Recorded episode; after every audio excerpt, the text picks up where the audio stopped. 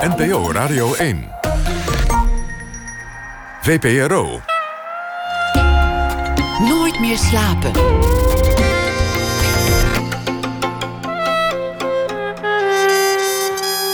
Met Pieter van der Wielen. Goedenacht en welkom bij Nooit meer slapen. Ineens was het, tegen alle afspraken in trouwens, 2021. En we moesten aan het klimaat denken. We moesten bewuster eten en gezonder en eerlijker en slanker en vegan en biologisch. En op een ochtend werd er iemand ergens wakker en die dacht: ja, wacht eens even. Ooit was eten gewoon nog leuk en lekker. En wat is daar eigenlijk mee gebeurd? En die vrouw, dat had zomaar Dorothy Porker kunnen zijn.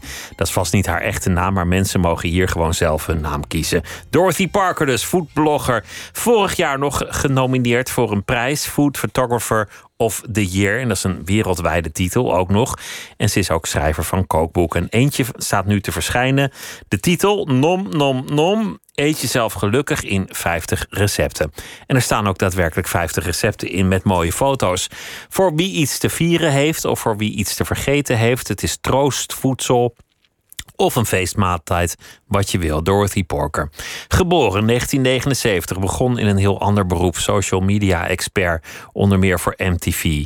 Maar later vond ze een betere roeping, want dat is nu wel inmiddels een beetje duidelijk. Lekker eten is in haar leven heel erg belangrijk.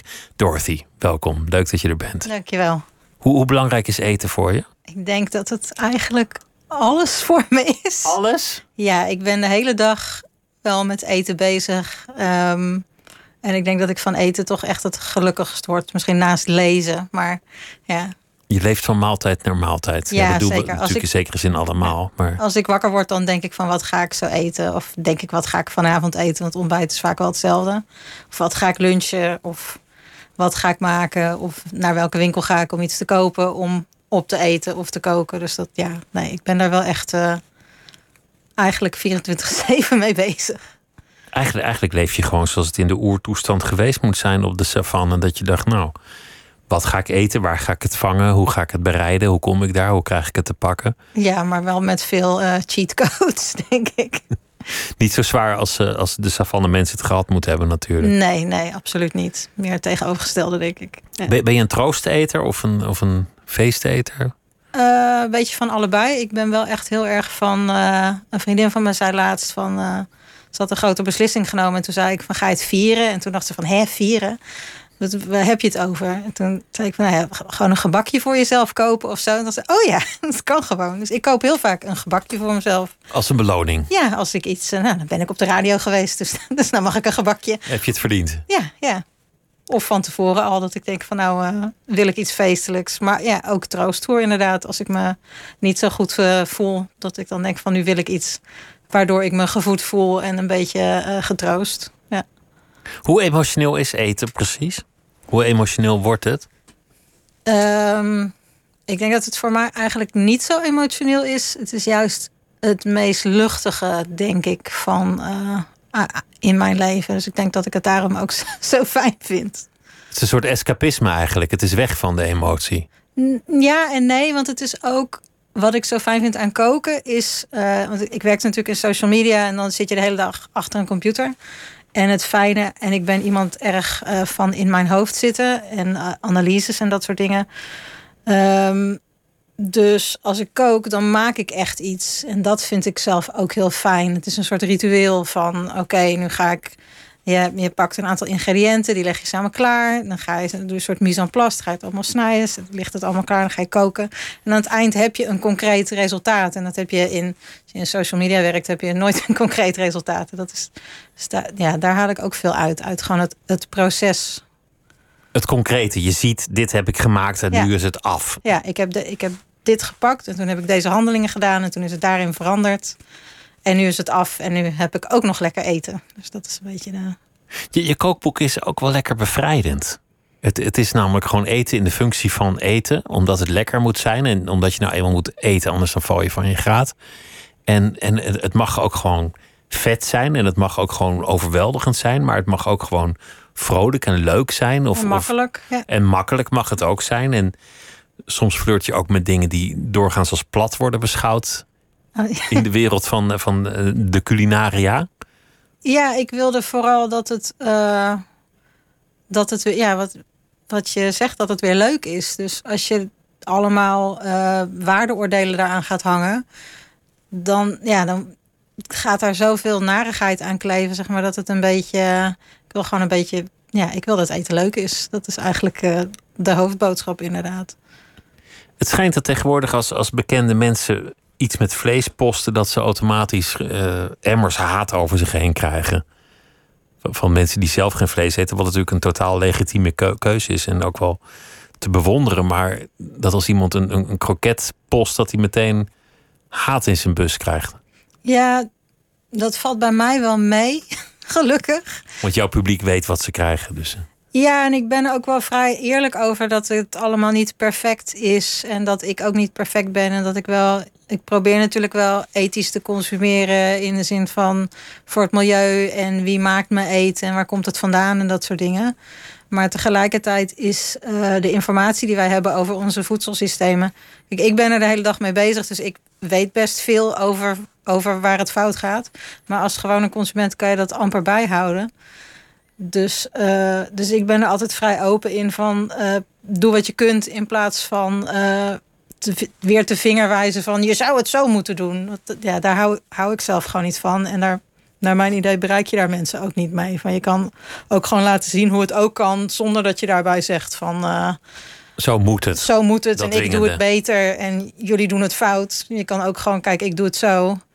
En, en het dan daarbij laten. In plaats van er een heel uh, soort superioriteitsverhaal bij te verzinnen, zeg maar. Ja, bijvoorbeeld vegan eten, dat hoeft niet per definitie gezond te zijn. Dan, dan zie je vaak een, een, enorm gefrituurd bord voor je liggen. Ja, ja, nee, en dat is denk ik ook echt een, uh, een instinker die je nu ziet. Uh, dat vegan ook een beetje weg is. Uh, in Amerika noemen ze, noemt een deel van de vegans noemt zichzelf nu ethische vegans. Omdat je ook zeg maar, tegenwoordig vegans hebt die meer um, vanwege het zogenaamde gezonde aspect vegan zijn geworden. Terwijl vegan per definitie helemaal niet gezonder is dan ander eten. Want ze maken dan kaas van cashews. Maar als jij een hele zak cashews in één keer opeet, dat is, ja, dat is ook gewoon één brok vet natuurlijk, noten. Dus dat, dus het is een hele rare, uh, vreemde balans geworden tussen wat mensen ook als gezond zien en interpreteren en wat, nou, wat daadwerkelijk dan gezond is. Wat, en dat is uiteindelijk meer in balans eten. laten we toch even weggaan bij de ethiek. Ja. Ik, ik weet dat ik erover begon. Ja. laten, we, laten we toch gewoon het hebben over dat eten ook best op zijn tijd leuk en lekker kan zijn. Ja, altijd denk ik. In welke fase zit je nu, culinair? Wat, wat is momenteel je grote hit? Um, ik zit nu een beetje in een niet zo koken fase. Omdat ik merk, wat ik veel merk is als het weer verandert. Dat, dan, dat ik dan niet meer goed weet wat ik ook alweer fijn vind om te eten. Dus het is nu een paar dagen is het zeg maar rot weer geweest. En dan wil je eigenlijk winterse kost. Dus dan kom ik op een gegeven moment weer in mijn winterse kostritme. En nu is het weer warm. En dan denk ik, hè, waar ik gisteren zin in had, klopt niet met het weer. En dan moet ik even omschakelen naar een salade. Dus nu zit ik een beetje in een bestel.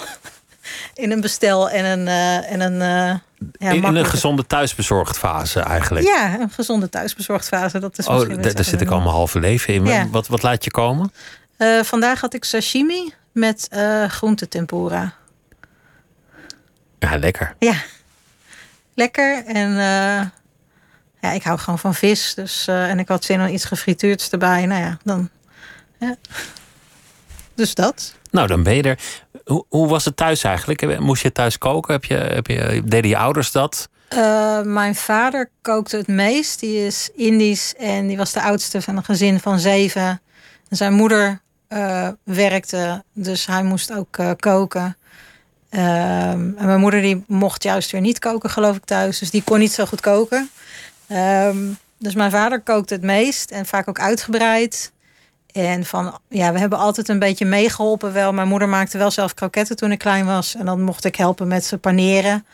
Dat is dan leuk als je heel klein bent en koekjes bakken en dat soort dingen. En toen, volgens mij toen ik een jaar of twaalf was, dan moesten we één keer in de week, uh, moesten we dan, uh, ik en mijn broer moesten allebei iets koken. En, maar dan kreeg je wel dat ik maakte gewoon elke week een, uh, een lasagne wereldgerecht. En mijn broer die maakte elke week biefstuk met champignons en gebakken aardappeltjes. Dus dat, Gewoon één hit die je herhaalde. ja, één hit van dit hadden we helemaal door. En ik deed dan wel de variaties van de wereldgerechten. Daar hebben we dus meer groenten er doorheen en zo. En wat is een lasagne wereldgerecht? Wat, wat, wat is dat? Dat is gewoon zo'n ja, zo'n half kant en klaar gerecht. Dat is echt, eh, volgens mij is het heel Hollands. Je die, eh, ik zal het merk niet noemen, maar je hebt die wereldgerechten. En dat zijn gewoon zo, doe er water bij en doe er gehakt en groenten bij. En dan heb je lasagne. Oh ja. ja, ja, Maar er zit veel Indische invloeden ook in, jou, in jouw boek. ja. Dat, Ja. dat komt wel echt terug in je, in je koken. Ja. ja, ik ben daar natuurlijk mee opgegroeid. Dus dat, dat, ja, dat is toch een beetje de basis. Ik kook zelf heel weinig Indisch, omdat het, het is heel veel werk. En in mijn hoofd hoort daar zeg maar een groot gezelschap bij. Dus ik zou dat nooit voor mij alleen... Want dan, ja, ik wil niet alleen rendang. Dan moeten er toch ook nog minstens drie andere gerechten bij. Dat ga je ook niet voor jezelf alleen doen. Dus, eh, dus ik kook het zelf niet heel veel. Maar eh, de invloeden zijn er zeker wel. Wa- Was het een leuke tijd thuis? Zijn het leuke herinneringen? Eh, het daar niet over hebben. Sorry. Dan weet ik meteen het antwoord al, Ja. denk ik. Niet, niet een hele leuke tijd voor jou. Mm. Nee. Wat, wat heb je eraan overgehouden wat, wat wel leuk is? Ehm, ik denk dat ik heel erg eh, mijn eigen wereld heb gecreëerd, ook thuis. Eh, dus dat lezen en ehm, het koken.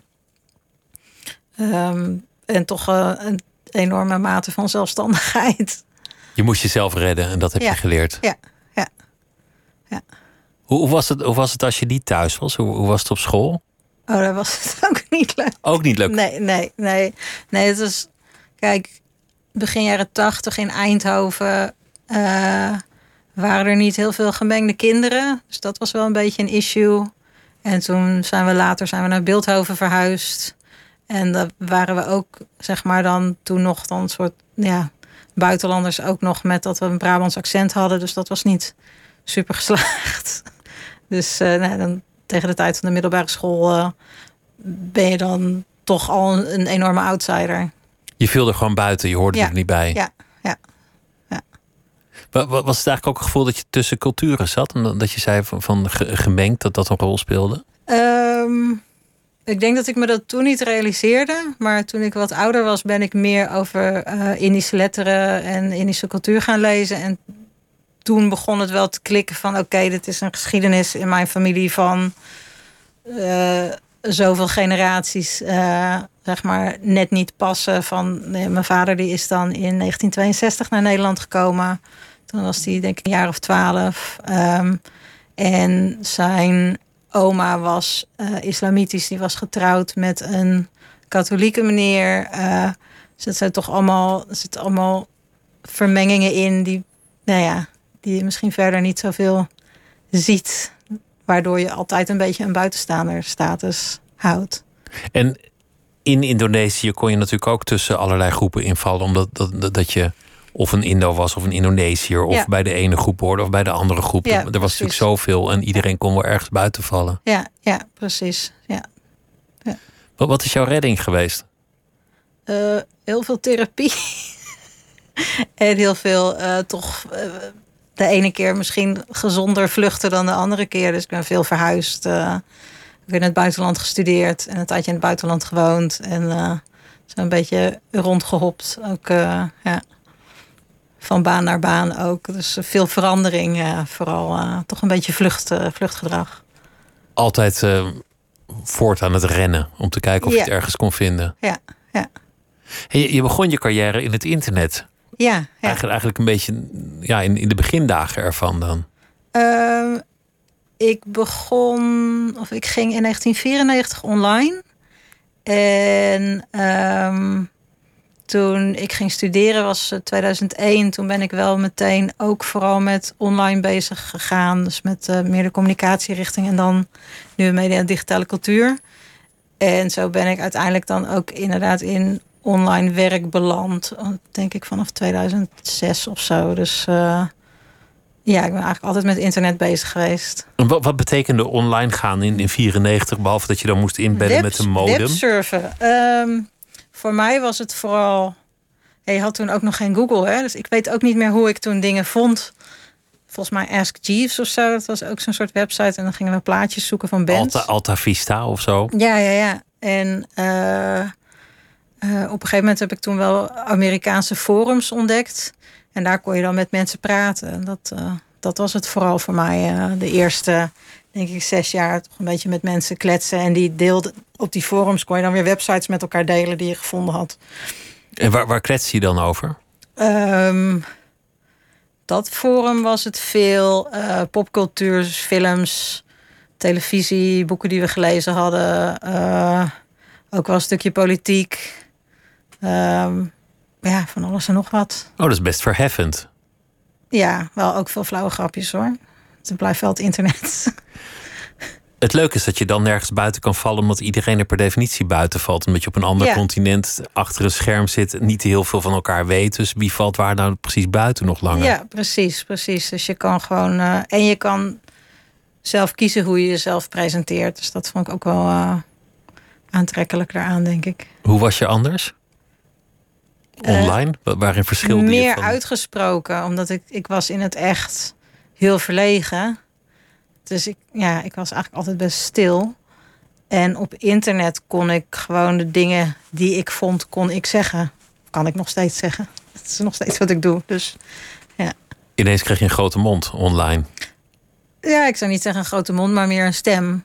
Maar het is natuurlijk niet gek als je verle- dat je verlegen bent als je het idee hebt dat je er niet mag zijn. Ja, nee, dat was. eh, dat, nee, dat, dat hoorde er wel heel erg bij. Ja, dan doe je er het zwijgen toe. Dat, is, dat is een logische reactie, denk ja. ik. Ja, en op internet kon ik meer zeggen. En zag ik ook dat mensen dat dan interessant of leuk vonden. En dat, eh, dat heeft me ook enorm geholpen toen wel. Wa- Was dat toen leuker eigenlijk, die begintijd van het internet? Als je het vergelijkt met hoe het later geworden is. Ik denk het wel, want ik merk dat ik de laatste tijd, als ik iets op internet ga doen, is het eigenlijk altijd iets kopen. zeg maar zo onderhand. Ja, het is natuurlijk ook wel films kijken en streamen en weet ik veel. En Twitter, maar het is niet. ehm, het, het, is, het is natuurlijk veel groter en veel commerciëler geworden. En eh, veel minder anoniem. Wat ook weer je vrijheid, denk ik, een beetje inperkt in hoe je. eh, of ja, hoe je jezelf kunt neerzetten. En denk ook onveiliger geworden. Omdat mensen je makkelijker kunnen vinden. En omdat ja, mensen ook tegenwoordig weer wat sneller boos worden misschien over dingen. Het was allemaal iets meer een soort niche clubje, denk ik, eh, in het begin. Met, met, zoals ik het van jou hoor, ook een zeker optimisme. Ehm, nou, ik denk niet per se optimisme, maar wel met een soort meer ruimte. Ik denk dat mensen het nu ook zien als een soort gegeven van je moet op internet. Er zit ook een soort verplichting aan. En ehm, ja, ik denk dat dat toch. eh, toen was het meer je, wil, je wilde op internet.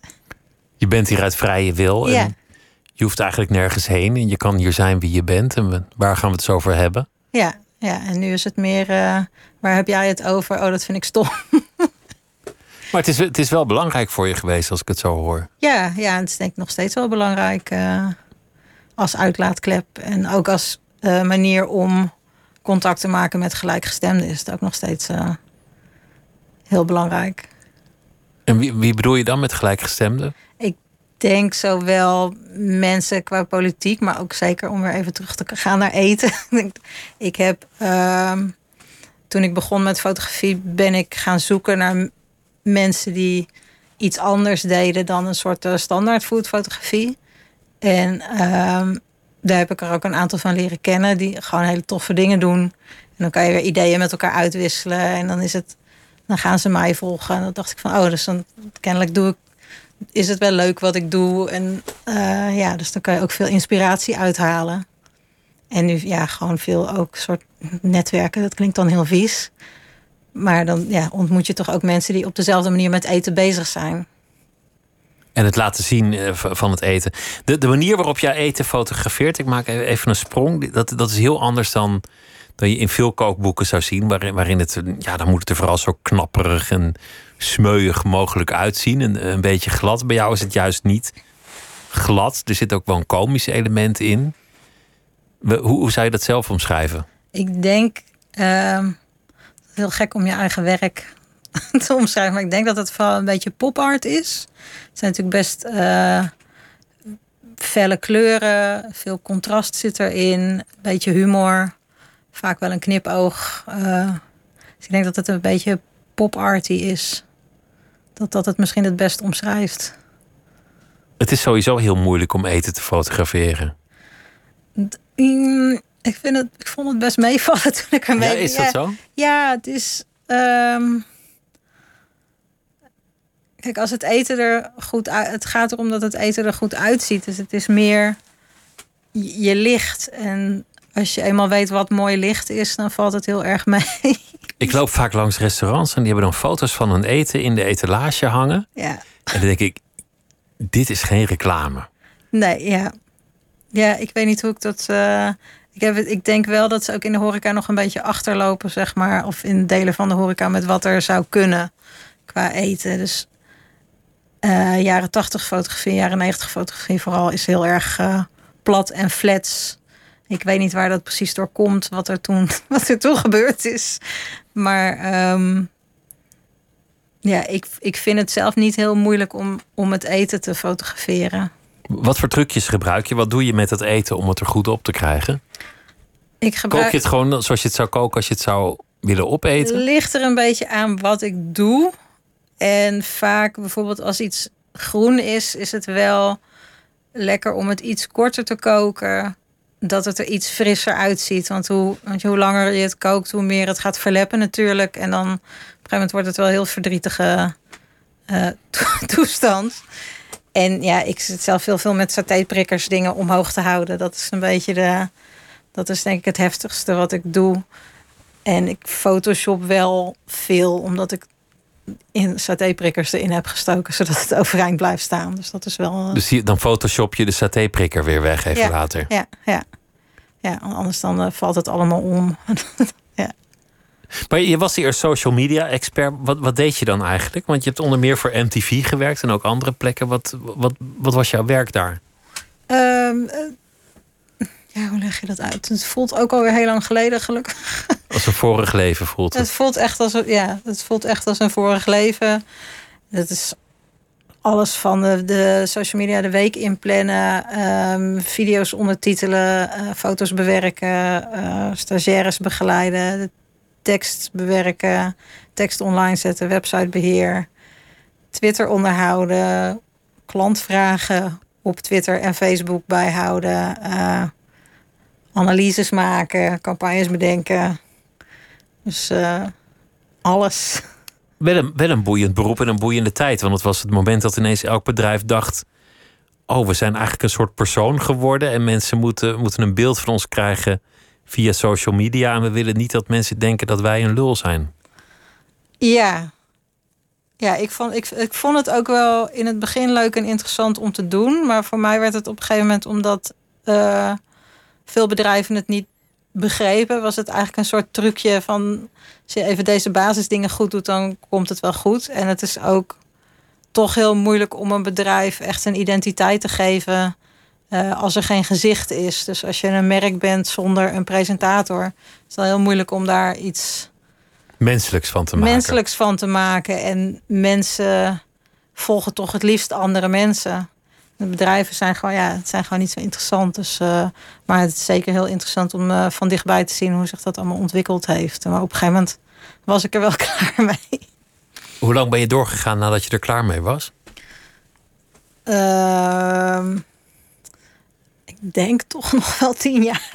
Tien jaar? Ja, ja ik heb wel een soort valse starts gemaakt met uh, proberen naast mijn werk dan als ZZP'er te schrijven of uh, uh, foodblog te beginnen of uh, ja, dingetjes erbij te doen. Maar ik, ja, ik, ik, de meeste energie ging toch naar mijn werk, omdat social media werk is vrij, of communicatie in het algemeen, is vrij grenzeloos. Dus dat is ook, je bent eigenlijk 24 uur per dag met je werk bezig. Dus dan, om dan te proberen uit te zoeken wat je eigenlijk wil, is, is lastig. Ik, ik zei zo heel geschokt tien jaar, maar eigenlijk had ik, was die geschoktheid misplaatst. Want dit is hoe het leven gaat. Ja. We, we hobbelen van, van maand naar maand en uitbetaling naar uitbetaling. En ergens sluimert een ander plan. Ja. Ja, en, en je, je komt denkt natuurlijk. weg en je hebt je huur en ach, je Ja. collega's zijn lief. En, Ja, je denkt natuurlijk ook van nou, misschien als het dan. Nu doe ik het bij een NGO, maar misschien als ik het dan bij een, commerciële organisatie, misschien dat dat dan leuk is. Of misschien dat het juist toch bij een NGO leuk is. Of, eh, en ik vond eh, die laatste eh, functie waar ik gewerkt heb, was dan bij Comedy Central MTV. Dat vond ik wel een hele fijne organisatie. En het was, zijn ook leuke merken om voor te werken, want er kan gewoon heel veel. Omdat natuurlijk de humor ook vrij breed is en de doelgroep is heel jong. Dus dat was wel leuk. Maar het was, voelde wel op een gegeven moment als toch meer een trucje dan, een, dan nog een spannende uitdaging. maar alles wat je in de jaren hebt geleerd, dat, dat gebruik je nu ook als, als foodblogger, denk ik. Deels wel en deels heb ik er toen voor gekozen toen ik daarmee begon om dat ook niet te doen. Omdat ik dacht van als ik nu alle trucjes ga doen die ik moet doen, waarvan ik weet van dit werkt, dan eh, is het niet meer van mij. Dan ga ik zeg maar een bepaald stramien volgen om succesvol te worden. En dan wordt het een soort van eh, like en subscribe. En dan dat is niet wie, wie ik ben en wie ik wil zijn en hoe ik eh, met mijn eigen dingen bezig wil zijn. Dus ik heb vrij bewust ook een aantal dingen zoals als je zo'n foodfotografiecursus volgt, dan zeggen ze allemaal je moet absoluut geen blauw gebruiken bij eten, want dat kan echt niet. En ik heb op een gegeven moment een blauwe achtergrond gekocht omdat me dat wel leuk leek. En dat is ook een mooi contrast met groen. En dat werkt gewoon prima. Dus dat, dat soort dingen ja, heb ik niet gedaan. Juist zondigen tegen de wetten die, eh, die lijken te gelden. Ja, ja. Hoe, hoe zou het gaan als je het helemaal volgens de regels doet? Wat zijn eigenlijk de regels om, om daar goed in te worden? Ik denk bij een foodblog moet je, moet je echt wel heel veel eh, technische dingen goed doen. En vooral ook letten op wat trends zijn. Dus eh, dat, dat zie je ook heel veel. Op een gegeven moment krijg je aan het eind van het jaar krijg je dat alle Amerikanen die gaan allemaal dingen met pumpkin spice maken. En eh, dan is het Valentijnsdag en dan bakt iedereen eh, koekjes in de vorm van een hartje of zo. En dan is het paas en dan doen ze allemaal iets met Pasen. En is die hele kalender sowieso volgen. Eh, veel selfies posten ook. Daar houden mensen toch meer van. Terwijl ik zelf niet zo graag op de foto ga. Ehm, Want is dat goed als er een persoon op de foto ja, staat? Ja, ja. En eh, ehm, wat ook veel wordt aangeraden, waar ik zelf niet helemaal in geloof, is eh, toch wat meer klassieke foto's. Dus eh, eh, met wat nu veel, wat je, of wat je toen ik begon heel veel zag, was veel wit marmer en dan een mooi rustig bord erop. En allemaal vrij rustiek en lief. En ja, dat. En dat is niet hoe jij het maakt nu. Nee, nee. Integendeel. Ja, Felle kleuren, het mag eruit springen, het mag ontwrichten, het mag er raar uitzien. ja, ja. Ja, Weinig selfies, dat, dat noemde je eigenlijk al. ja. Ja, ik ga niet zo graag op de foto. Dus en als ik een selfie doe, dan doe ik daarom liever een beetje een rare foto. Dan, dan hoef ik niet zo, zeg maar, dan hoeft het niet zo goed, goed eruit te zien. Maar dan is het eerder raar of grappig. Dus eh, ja, en die felle kleuren is gewoon een beetje omdat ik van felle kleuren hou. Is, Ik vind het wel een grappige ontwikkeling, dat eten met je ogen. Ik, ken- ik ken mensen die sinds de uitvinding van social media niet meer warm hebben gegeten omdat alles eerst gefotografeerd moet worden. ja. Maar zijn we anders gaan eten om, omdat we via Insta beïnvloed worden in onze eetcultuur? Ik denk het wel. Ik denk dat, dat het niet per se negatief is. Ik denk dat je hebt natuurlijk van dat soort eettrends... dat je had toen die eh, regen, alles met regenboog. Dus regenboogbagels en weet ik veel. En op een gegeven moment had je eh, zwart ijs. Dat was dan met charcoal gemaakt. Dat ik dacht, waarom is dat niet gewoon zwarte sesamijs? Want dan is het geval ook nog lekker. Ehm, maar je hebt natuurlijk ook, of je ziet dat mensen met veel meer eten in aanraking komen. En dat er gewoon veel meer, eh, naar mijn idee, maar dat is misschien ook omdat ik er middenin zit, dat er toch veel meer gekookt wordt en veel eh, experimenteler. Dat mensen veel meer nieuwe dingen proberen. Het biedt ook inspiratie. In ja, zeker. Ja, ja, ik weet dat er nu in Engeland is eh, het eerste kookboek van een TikTok-koker alweer uit. Dus En wat, wat doet een TikTok-koker? Ehm degene die dat boek uitbrengt, ik weet haar naam niet zeker, dus die ga ik niet zeggen. Zij eh, zorgt vooral dat je duidelijk de stappen kunt zien. Want TikTok is vrij fragmentarisch. Dus zij heeft dat heel goed geëdit van eh, stap 1 je doet dit, stap 2 je doet dat. En ik geloof dat zij ook eh, vrij goed uitlegt wat je over kunt slaan of wat je anders kunt doen. Dus het is toch ook weer een beetje wat vrijer en opener en minder uh, kanon. Voor wie net inschakelt, Dorothy Porker zit tegenover mij. En die zit hier naar aanleiding van het verschijnen van het kookboek Nom Nom Nom. Eet jezelf gelukkig in 50 recepten. En we hadden het over het internet in de begindagen. En hoe dat voor jou wel bevrijdend was. Omdat je ja, je hele leven tussen culturen en werelden inviel. En eigenlijk niet de meest gelukkige jeugd hebt. Dat hoef je niet helemaal om te spitten nu. Maar dat, dat neem ik van je aan. En dat je daar gewoon kon zijn wie je wilde zijn. En ook je verlegenheid uh, overwon. En zo uh, hebben we het ook gehad over, over eten. Wat thuis belangrijk was. Omdat je vader Indisch was en veel kookte. En jullie thuis ook meekregen dat je moest koken. En je werd eerst social media expert. En dat deed je tien jaar te lang. Achteraf gezien. Ja. Achteraf gezien was, was de, de, ja, de opwinding al tien jaar weg. Wat was het keerpunt? Um, het ging met mij op een gegeven moment. Uh, het is nu alweer drie jaar geleden ging het uh, heel erg slecht. Uh, met name emotioneel, maar ook qua mijn gezondheid. En toen kon ik niet verder werken. Dus dan ben ik mijn baan verloren. En toen was ik eigenlijk aan het zoeken naar iets luchtigs om te doen. En toen zag ik een foodfotografiecursus online. Dus toen ben ik die gaan doen. Het was, het was eigenlijk het moment dat je totaal op de bodem lag en ineens Ja. diende dat zich aan. Ja, ja.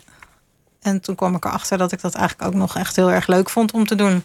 Dus dat, eh, ja. Is, is dat de weg naar boven geweest?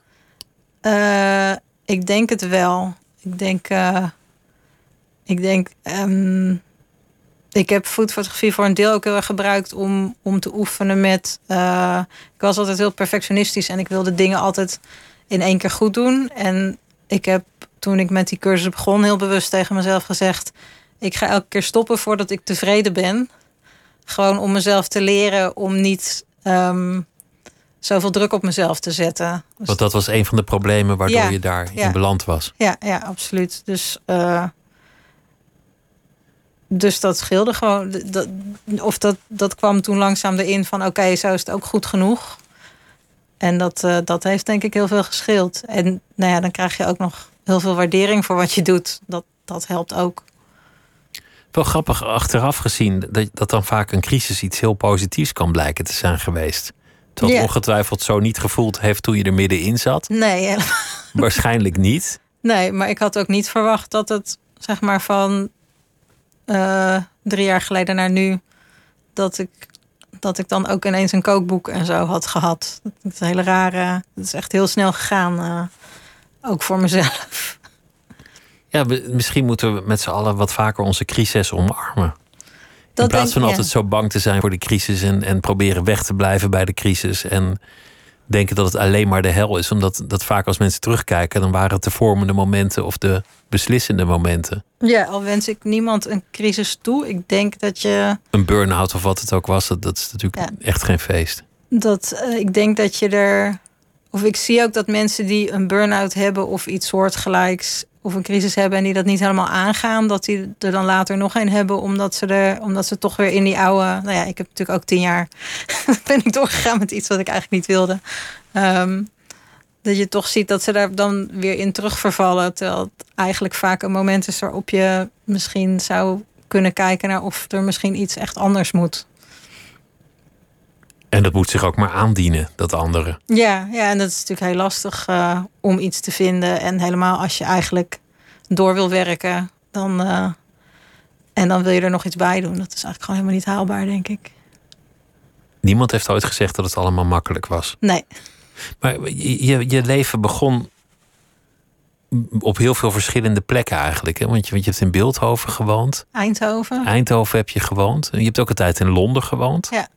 Wat, wat deed je in Londen? Ik heb in Londen mijn master gedaan. Want ik zat in de eerste bachelor, eh, bachelorlichting aan de universiteit in Nederland. En toen zag ik de masterprogramma's en toen dacht ik, het voelt allemaal een beetje alsof jullie nog niet helemaal weten wat jullie aan het aanbieden zijn.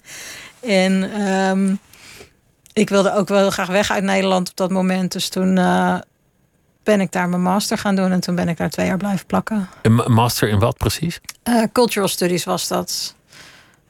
Dus, uh, en ik heb me dan vooral gefocust weer op internet. Dus ik heb uh, een scriptie geschreven over MySpace, wat toen nog wel een ding was. En nu niet meer? Nee, nee, MySpace is niet echt. Ik geloof dat het nog wel bestaat, maar.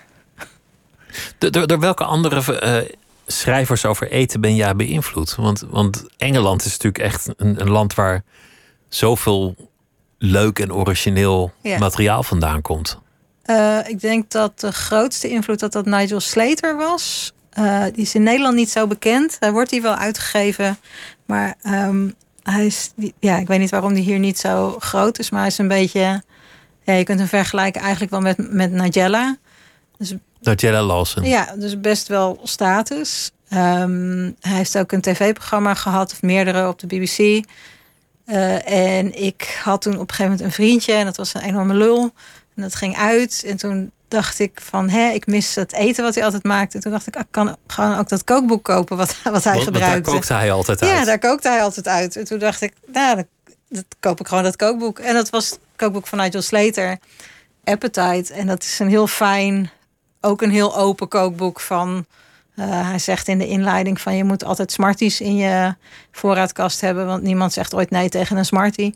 Dus uh, dat is een soort hele fijne manier van schrijven heeft hij ook. Uh, hij is heel tactiel in zijn uitleg van hoe je moet koken. Dus het is niet, je moet na vijf minuten de volgende stap doen, maar meer van als het zo gaat ruiken of er zo uitziet of het zo voelt, dan moet je de volgende stap doen. En hij geeft ook heel veel variatietips in dat boek. Dus, dus dat, ja, dat, ik denk dat hij de grootste invloed is wel. Dus, dus je had een relatie met een lul, wat natuurlijk altijd zonde van je tijd en energie is. Maar uiteindelijk heeft dat het je toch nog gebracht. Ja, ja, ja. Er zijn kortere wegen naar een goed kookboek. Maar als dit het heeft opgeleverd, nee, het is het toch allemaal niet voor niets geweest? Nee, nee, nee. Het was zeker niet voor niets. Het was een heel fijn kookboek. En ik heb een paar hele goede vrienden aan overgehouden ook. Dus, uh... Zo'n gekke paradox dat, dat het land dat het meest berucht is om zijn eten de beste kookschrijvers voortbrengt. Je kan ook wel echt heel lekker eten. Nee, echt waar? Ja, ja. Ik heb. Uh, mijn favoriete restaurant is St. John Bread and Wine. Uh, dat is uh, van Fergus Henderson. En dat is een beetje de. Of dat, ja, dat is eigenlijk de grondlegger van het herintroduceren van het van kop tot staart eten. En dat zat bij mij om de hoek toen ik net in Londen woonde. En wat is van kop tot staart eten? Dat is nou ja, ingewanden en. Uh, oh, op die manier dat je, dat je alles van het ja, beestje dat je echt alles van het, van het dier eet. Uh, en heel, hele basic recepten zijn het altijd, maar wel echt goed gedaan. Dus meestal zijn er drie ingrediënten, maar dan echt helemaal perfect. Um, en het is een soort Brits-Franse keuken. Dus dat, nou ja, dat is al geweldig. En in Londen kan je natuurlijk verder geweldig Vietnamees eten en Thais. En, India's. Ja, India's, uh, dus, uh, Japans en allemaal heel betaalbaar. Dus dat, ja. Je kan in Engeland heel goed eten. Je kan ook heel vies eten. Ik ben wel eens bij mensen thuis gegeten en dat was, nou ja, dat, Zout en peper weten ze ook niet te vinden daar. Dat... Ja. Je, je woont nu al best wel geruime tijd in, in Leiden. Ja. Uh, der, 13 jaar? 13 jaar alweer. Ja, heerlijke stad, toch? Ja. ja, ja je, je zit tegenover een andere Leidenaar. Ja, dus, nee, dus, uh... hele, ik vind het een hele fijne stad. Het is dicht bij alles. Een vriend van mij die noemt het altijd een dorp met stadse faciliteiten. Het is klein, maar het heeft, het heeft alles wat je nodig hebt. En het ligt anders wel in de buurt of op een half uur van andere dingen die je misschien zou willen. Dus, uh, Hoe ben je daar beland? Um, een studievriendin van mij die woonde in Leiden. En, of die, nou, dat is gewoon een echte Leinaar. En uh, toen ik terugkwam uit Londen, toen kon ik in Utrecht gaan wonen, waar ik vandaan kwam. Of in Amsterdam, waar ik een baan had. Of in Leiden, waar ik haar kende. En uh, toen kon ik in Leiden een roze woonboot huren. dus toen ben ik in Leiden gaan ja, wonen. Als je ergens een, een roze woonboot kan huren, dan. Een vrij eenvoudige keuze was dat toen. Ja. ja. ja. Is, is, dat, is dat qua eten eigenlijk een interessante plek? Want volgens mij zitten er geen beroemde restaurants verder in, in de. Ik, uh, ik ben denk ik het, het intensiefst bezig gegaan met koken toen ik in Leiden kwam wonen. Omdat ik het uit eten in Leiden en in Nederland toen best moeilijk vond om, om daar iets goeds te vinden. Vergeleken met Londen, waar je zeg maar, op elke straathoek ongeveer wel goed kunt eten voor weinig. En waar veel gebeurt en alles spannend is en hip en ja, in ontwikkeling ja, en, ja. en, dat en, soort dingen. En ik vind Leiden heel fijn dat het heel erg niet hip is. Dat vind ik wel lekker. Dat vind ik ook altijd zo lekker. Dat Ja. niemand het erover heeft en ook niemand de pretentie heeft dat Nee. het iets is waar je het over zou kunnen hebben. En als ze het proberen, dan lukt het ook nooit in Leiden. Dan willen ze een keer iets heel hips en fancies. En dat, nou ja, dat slaat nooit aan, want dat vinden mensen in Leiden veel te ingewikkeld. En alle toeristische attracties zijn gesloopt door de jaren heen. Ja, dus ik vind het op zich, vind, vind, heeft het ook zijn charme. Maar je kan, ja, je kan niet echt heel geweldig uit eten in Leiden, vind ik. Sorry, mensen in Leiden. Ja, het is dat ik geen pannenkoeken lust, maar er zit een pannenkoekenrestaurant in Leiden, en dat is echt waar. Daar heeft de Dalai Lama gegeten. En, en daar kwam koningin Beatrix wel eens gewoon een pannenkoekje eten. En, en als, als het klopt, volgens mij ging Ramses Shaffi ging daar ook altijd eten. En, In Leiden. en Phil Collins, die, die kwam daar ook nog wel eens. Die, en het is allemaal beroemdheden. Het is, niet, het is ook niet zo dat van als je op de derde dinsdag ging, dan zat de Dalai Lama daar. Ik bedoel, is er dan één keer geweest. ja, En geen twee keer. Maar, maar goed, dat is toch een leuke anekdote. Maar ik ben geen pannenkoeken eten. nee, ik ook absoluut niet. En ik weet ook niet of, of het aantrekkelijker was geworden voor mij als, de- als de koningin daar zat. Nou, is toch wel leuk als je die met stroop en poeiersuiker in, Ik weet wel dat Willem-Alexander een keer is gespot in de McDonald's in Leiden. Niet zo heel lang geleden. Kijk, zo gewoon gebleven. Ja. Toch. Maar, je- maar je volgende plan is om, om misschien wel naar Frankrijk eh, te verkassen. Ja, ja, ja, ik en mijn vriend die, eh, die willen naar Frankrijk. Dat is de volgende stap. Want eh, hij schrijft, dus hij is ook niet echt verankerd ergens. Nee, nee, hij, kan, nou ja, hij komt wel heel erg uit Alkmaar en omstreken. Maar zij heeft wel echt zeg maar zijn roots daar. En ik, nee, ik kom niet echt ergens vandaan. Maar ja, we kunnen allebei vanuit huis werken. En ik wilde al voordat ik eh, een relatie met hem had, wilde ik al naar Frankrijk. En eh, hij wilde volgens mij ook voordat wij een relatie hadden, eigenlijk al naar Frankrijk. Dus daar hadden we elkaar wel goed in gevonden. Ehm, alleen timing is natuurlijk altijd een issue. En toen dachten we vorig jaar, met die hele coronatoestanden, dachten wij het hele jaar van Jezus, we hadden nu gewoon in Frankrijk ergens eh, in the middle of nowhere rustig, rustig in een lockdown kunnen zitten. En heel tevreden met veel natuur om ons heen.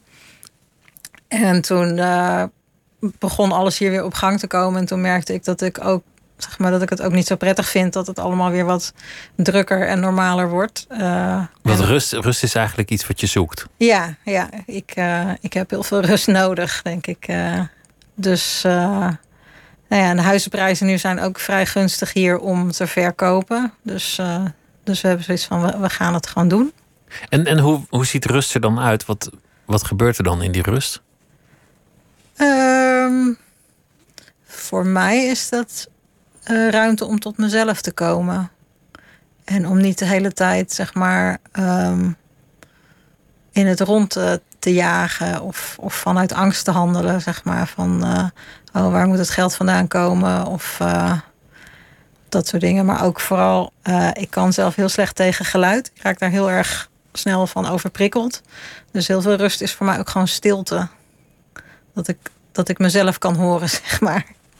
Dat je kan nadenken en, Ja. je gedachten bij je kan houden even. Ja, of juist los kan laten. Als er dan een scooter voorbij komt gedenderd, dan is het heel moe- moeilijk om, om rustig te blijven.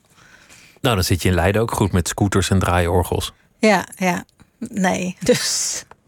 En, en denk je dat het, dat het ook iets oplevert qua foodblog? Omdat dat Frankrijk natuurlijk ook wel echt een culinair land is van je welste. Ehm, dat durf ik nog niet te zeggen. Dat hoop ik natuurlijk wel. Ik ben heel benieuwd eh, hoe het daar is. Omdat ik zelf steeds meer vegan en vega kook. Ehm, en ik weet niet hoe de Frans... of je daar al heel makkelijk tofu kan krijgen... en hoe de kwaliteit daarvan is.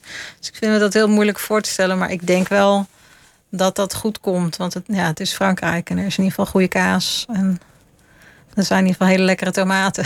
Dus dat, eh, ja. Dat komt wel goed. Ja. Het inspireert wel. Je, je hebt best wel veel tatoeages. Ik zit intussen een beetje naar je, naar je armen te kijken.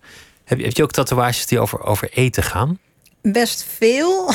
Hoeveel tatoeages heb je precies? Ik denk misschien 40, misschien iets meer. Ik, ik, weet, ik ben de tel kwijt. Dus, eh, maar er zit, ja, er zit best veel eten tussen. Ik zie een haai die, die iets anders opeet om, om te beginnen. Dat is een haai die eet eh, vrouwenbenen op.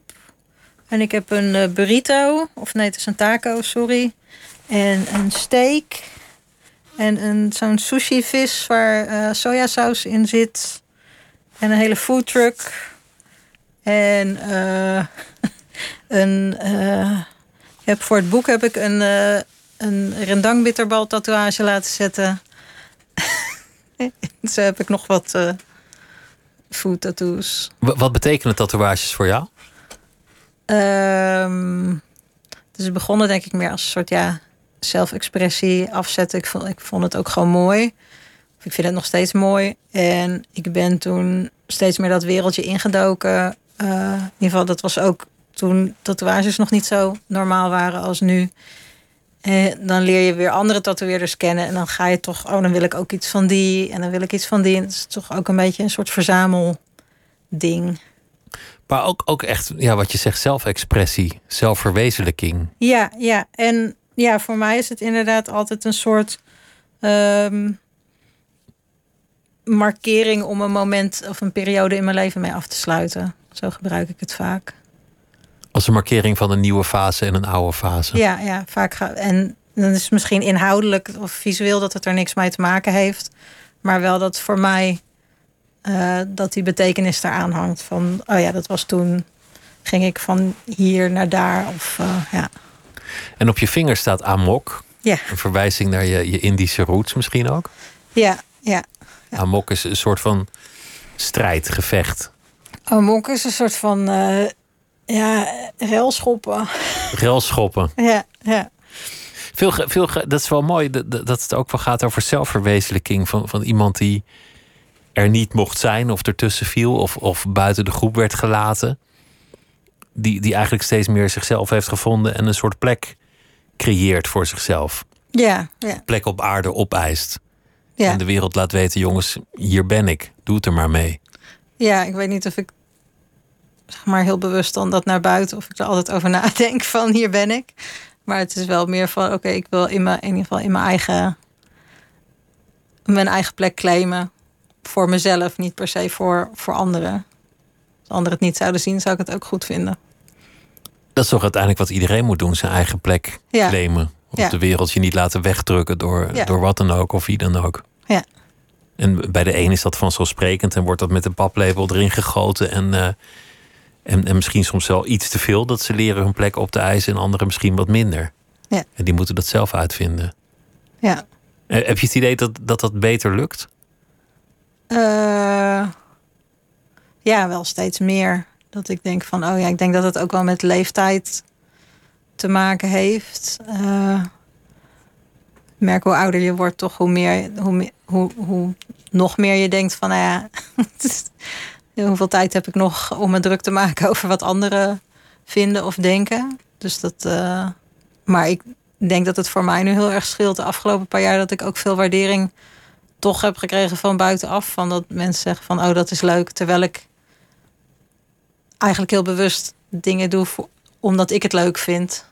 Daar begint het mee. Dat je Ja. het zelf gaaf vindt, dat je het Ja. zelf mooi vindt Ja, ja, ik, en interessant. ja, ik denk niet van oh, dit zullen de mensen leuk vinden. Ik denk van oh, dit, dit lijkt mij leuk. Of dit lijkt me lekker als het een recept is. En dan, ja, dan is het leuk als andere mensen dan zeggen: Oh, dat is, dat is gaaf. Maar je, je werd genomineerd voor beste voedselfotograaf ter wereld. Ja, in, dat- in de categorie foodblogger. Nou ja, oké, maar Maar toch, toch, dat, dat, is een, dat is een eervol en wereldwijde onderscheiding. Ja, En, en van een club die er, die er volgens mij ook wel echt verstand van heeft. Ja, ja, dat is wel heel gek. Nog steeds. Want toen, ja, de eerste, ik ben er nu twee keer voor genomineerd. En de eerste keer was ik echt, was ik net een jaar bezig of zo. Ja, en de tweede keer ook maar twee jaar. Dus dat, ja. Dan weet je dat je op de goede, goede weg bent. Dat Ja, je iets, ja. iets aan het doen bent. Ja, ja, erkenning in ieder geval van je eh, vakgenoten, om het dan maar zo te noemen. Ja, ja, dat is toch wel fijn. Eet je het ook op nadat je het gefotografeerd hebt? Of, of is dat niet altijd de bedoeling? Zoveel mogelijk wel. Want het is, ja, het is toch zonde om het weg te gooien. Ehm, en het meeste is ook gewoon eetbaar. Het is maar heel soms dat het echt niet, eh, dat het echt niet meer kan. Of dat het te veel is. Ik had, eh, voor het kookboek had ik ook een eh, groepje van vriendinnen in Leiden... die dan restjes konden komen halen. Eh, ja. Er wordt weer gefotografeerd, er wordt weer gekookt. Eh, Kom, Ja. kom alsjeblieft halen. Ja, ik heb gebak of ik heb eh, buikspek of ik heb... Kom alsjeblieft wat eten halen. Of ik ben aan het testen en kunnen jullie even komen proeven of het wel lekker is. Of, ja. Je, je had ook de, de, de hutspot bitterbal. Of de, De- hutspot kroket. ja, de Leidens. Leidens ontzetkroket. Want Leiden is ontzettend 3 oktober. Dan, dan eet de hele stad hutspot. Ja, met klapstuk. met klapstuk. En daar kan je dus ook een kroket van maken. Dat, dat is nog niet eenvoudig. Want, want ik ken meer mensen die iets soortgelijks hebben geprobeerd. En dan barst het ding open in je frituur. En dan wordt het één grote ik heb eh, bende. als leidraad Indische kroket. Je hebt Indische aardappelkroket. Het is een vrij dikke kroket. En dan eh, van ehm, aardappelpuree en dan gevuld met eh, gehakt en doppertjes en nog wat dingen. En daar begon het eigenlijk mee. Dus het is een, dus het is een dikke rand van hutspot. En daar zit dan een kern van eh, klapstuk met jus in. En dat, dat werkt, gelukkig. Die houdt de boel bij elkaar, zeg maar. Ja, dus, de, dus het is niet eh, het, het klapstuk door, door, de, door de hutspot heen, maar echt apart. En die moet je dan wel ook eerst met een beetje gelei of gelatine, dat, je, dat die ook opstijft. eh, zodat je hem makkelijker erin kunt leggen. En dan, ik wilde graag een portable snack voor Leiden. Dus, Een hommage aan, aan de stad waar je, waar je dan eh, zo ja, lang aan mijn adopt, adoptiefstad is het wel. Ja. Ik voel me wel echt een Leidenaar inmiddels. Hoe lang denk je dan na over, over zo'n gerecht? Want er staan, er staan meer. Er staat, er staat ook een soort raclette tosti in. Ik weet niet of ik dat helemaal goed zeg, Fondue, maar fondue tosti. fondue tosti. hetzelfde. Oh ja, raclette fondue. Nou ja, Whatever. whatever. Eh, het verschilt een beetje. Want voor het boek moest ik natuurlijk in ieder geval 50 recepten bedenken. Dus dat, dat is toch een beetje brainstormen van wat is leuk. Maar ik, ja, ik schrijf, ja. En niet als ik aan het wandelen ben of als ik wakker word en ik bedenk iets. Dan, en het is iets wat interessanter is voor in het boek of voor op mijn blog. Dan schrijf ik dat gewoon op. Dus ik heb ook een soort lijstje, een voorraad van dingen die ik nog een keer wil maken. Dus het is, ja. Het is een beetje, zeg maar. eh, ik ga niet echt zitten om het eruit te forceren van. "Eh, nu ga ik een recept bedenken. Maar het is meer gewoon wat het hele dag een beetje doorsuddert in mijn hoofd. Dus als jij stil bent en, en iemand wil vragen waar denk je aan, wat eigenlijk altijd een indiscrete vraag is, dan 9 van de 10 keer is toch gewoon eten. Ja. Ja, eten of, eh, of de staat van de wereld. een beetje de. Of de staat van de wereld en dan wat zal ik dan eten? De staat van de wereld, oh mijn god, het wordt helemaal niks. Wat, Nee. wat eten we vanavond? Ja, ja, ja. Mislukt het wel eens echt totaal? Eh, ja.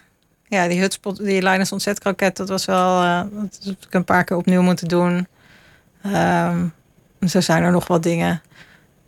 Maar veel dingen weet ik ook als ik het aan het maken ben... als het mislukt is, waar het fout is gegaan. Dus dan gaat het de tweede keer gaat het eigenlijk al goed. Dus Gewoon blijven proberen tot het. ja, eh, als je veel kookt, dan kom je er vanzelf ook achter hoe dingen werken en waar, waarom iets fout gaat. Dus meestal valt mij op dat ik op het moment zelf denk van, oh, dit is eigenlijk te veel van dit ingrediënt. En dan eet ik het en denk, ja, dat had ik inderdaad anders moeten doen.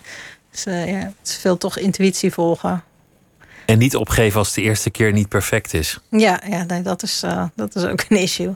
En het niet heel erg zat worden als je vier keer hetzelfde moet eten, omdat je aan het experimenteren bent met een recept. Net zolang tot je het helemaal, tot je het helemaal goed hebt. Ja, zo ben ik dan ook weer. Ik, ik vind bijna goed, vind ik ook al goed. Oh ja, dat had je geleerd. Dat was Ja, de, de, dat ja, was de les nee, nee, van je dat is persoonlijke crisis. Ja, ja, dus met het koken ook bijna goed is ook goed. eh. ja. Dat is volgens mij een les die, die we allemaal ons kunnen, kunnen permitteren. Ga voor een 9,5 en niet voor de 10. ja, je hebt in Nederland wel die hele zesjescultuur ook. Dat Ja, dat is meteen wel heel laag. Dat is wel weer heel extreem. Maar ik zou probeer vooral niet kapot te werken voor een of ander onrealistisch eh, ideaal, denk ik. Ja, jouw boek zou eigenlijk in maart uitkomen, maar Ja. toen, toen was het eh, de, de grote coronacrisis. Toen heb je het uitgesteld, om- omdat, omdat ja, er was verder toch niet zoveel te doen. En dan nu komt het alsnog uit. Wat is, wat is dit voor een moment? Het is een heel gek moment, omdat het. ehm, ik merk dat mensen heel enthousiast zijn. En voor mij zelf voelt het al best lang geleden, want ik heb het boek eigenlijk in de eerste helft van vorig jaar gemaakt. Dus het voelt een beetje als, als een soort. eh, als iets wat heel ver achter me ligt. Terwijl tegelijkertijd nu heel veel mensen willen het erover hebben. En dan denk ik, wat was het? Wat stond, wat stond er ook alweer in? Het voelt eigenlijk als iets, iets van vorig jaar al. Ja, Of, ja. of nog langer geleden ja, zelfs. Ja, en zeker ook qua fotografie denk ik van... oh, dat had misschien inmiddels wel beter gekund of zo. Maar ja, Nou ja, dat wordt dan dat wordt het volgende ja. project. ja en dan vind ik die ook weer niet goed als die uitkomt. Dus dat... Maar wat is eigenlijk, wat is eigenlijk de ultieme maaltijd? Ik weet niet of die er is. Er zijn heel veel dingen, ja, iets met aardappel, denk ik. Ja? beetje, ja, ik hou aardappel in al zijn verschijningsvormen is toch wel heel erg lekker. Ik zag vandaag iemand die had eh, gepofte aardappel en dan met eh zalmeitjes erop. Dus dat is nu, dat is de volgende ultieme maaltijd, denk ik. Gepofte aardappel met zalmeitjes. Ja. Misschien wat zure room of goede boter. En dan een goede gepofte aardappel. Wat, wat, wanneer is die goed? Wat, wat, wat is dat precies? Het is niet zo'n ding wat je in de magnetron gooit, maar een aardappel die je poft eh, een, een uur in de oven en dat de buitenkant helemaal krokant is en de binnenkant helemaal fluffy. Dat is denk ik de ultieme gepofte aardappel.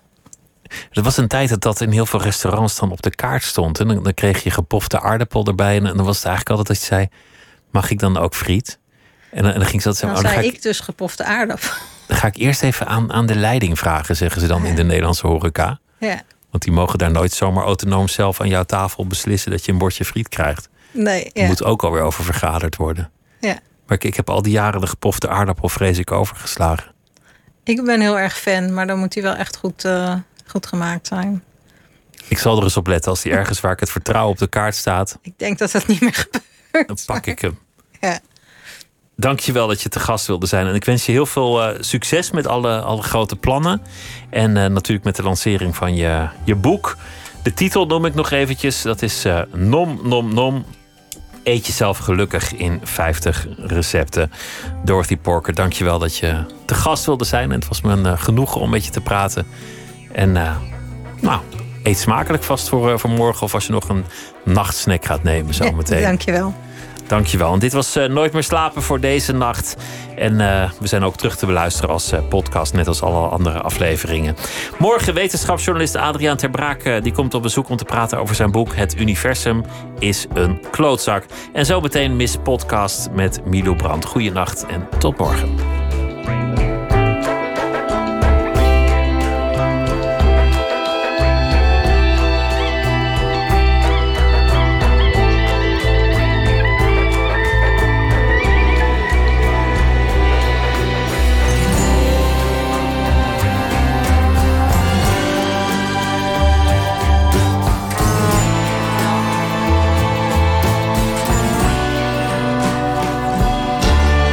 Radio 1. Het nieuws van alle kanten.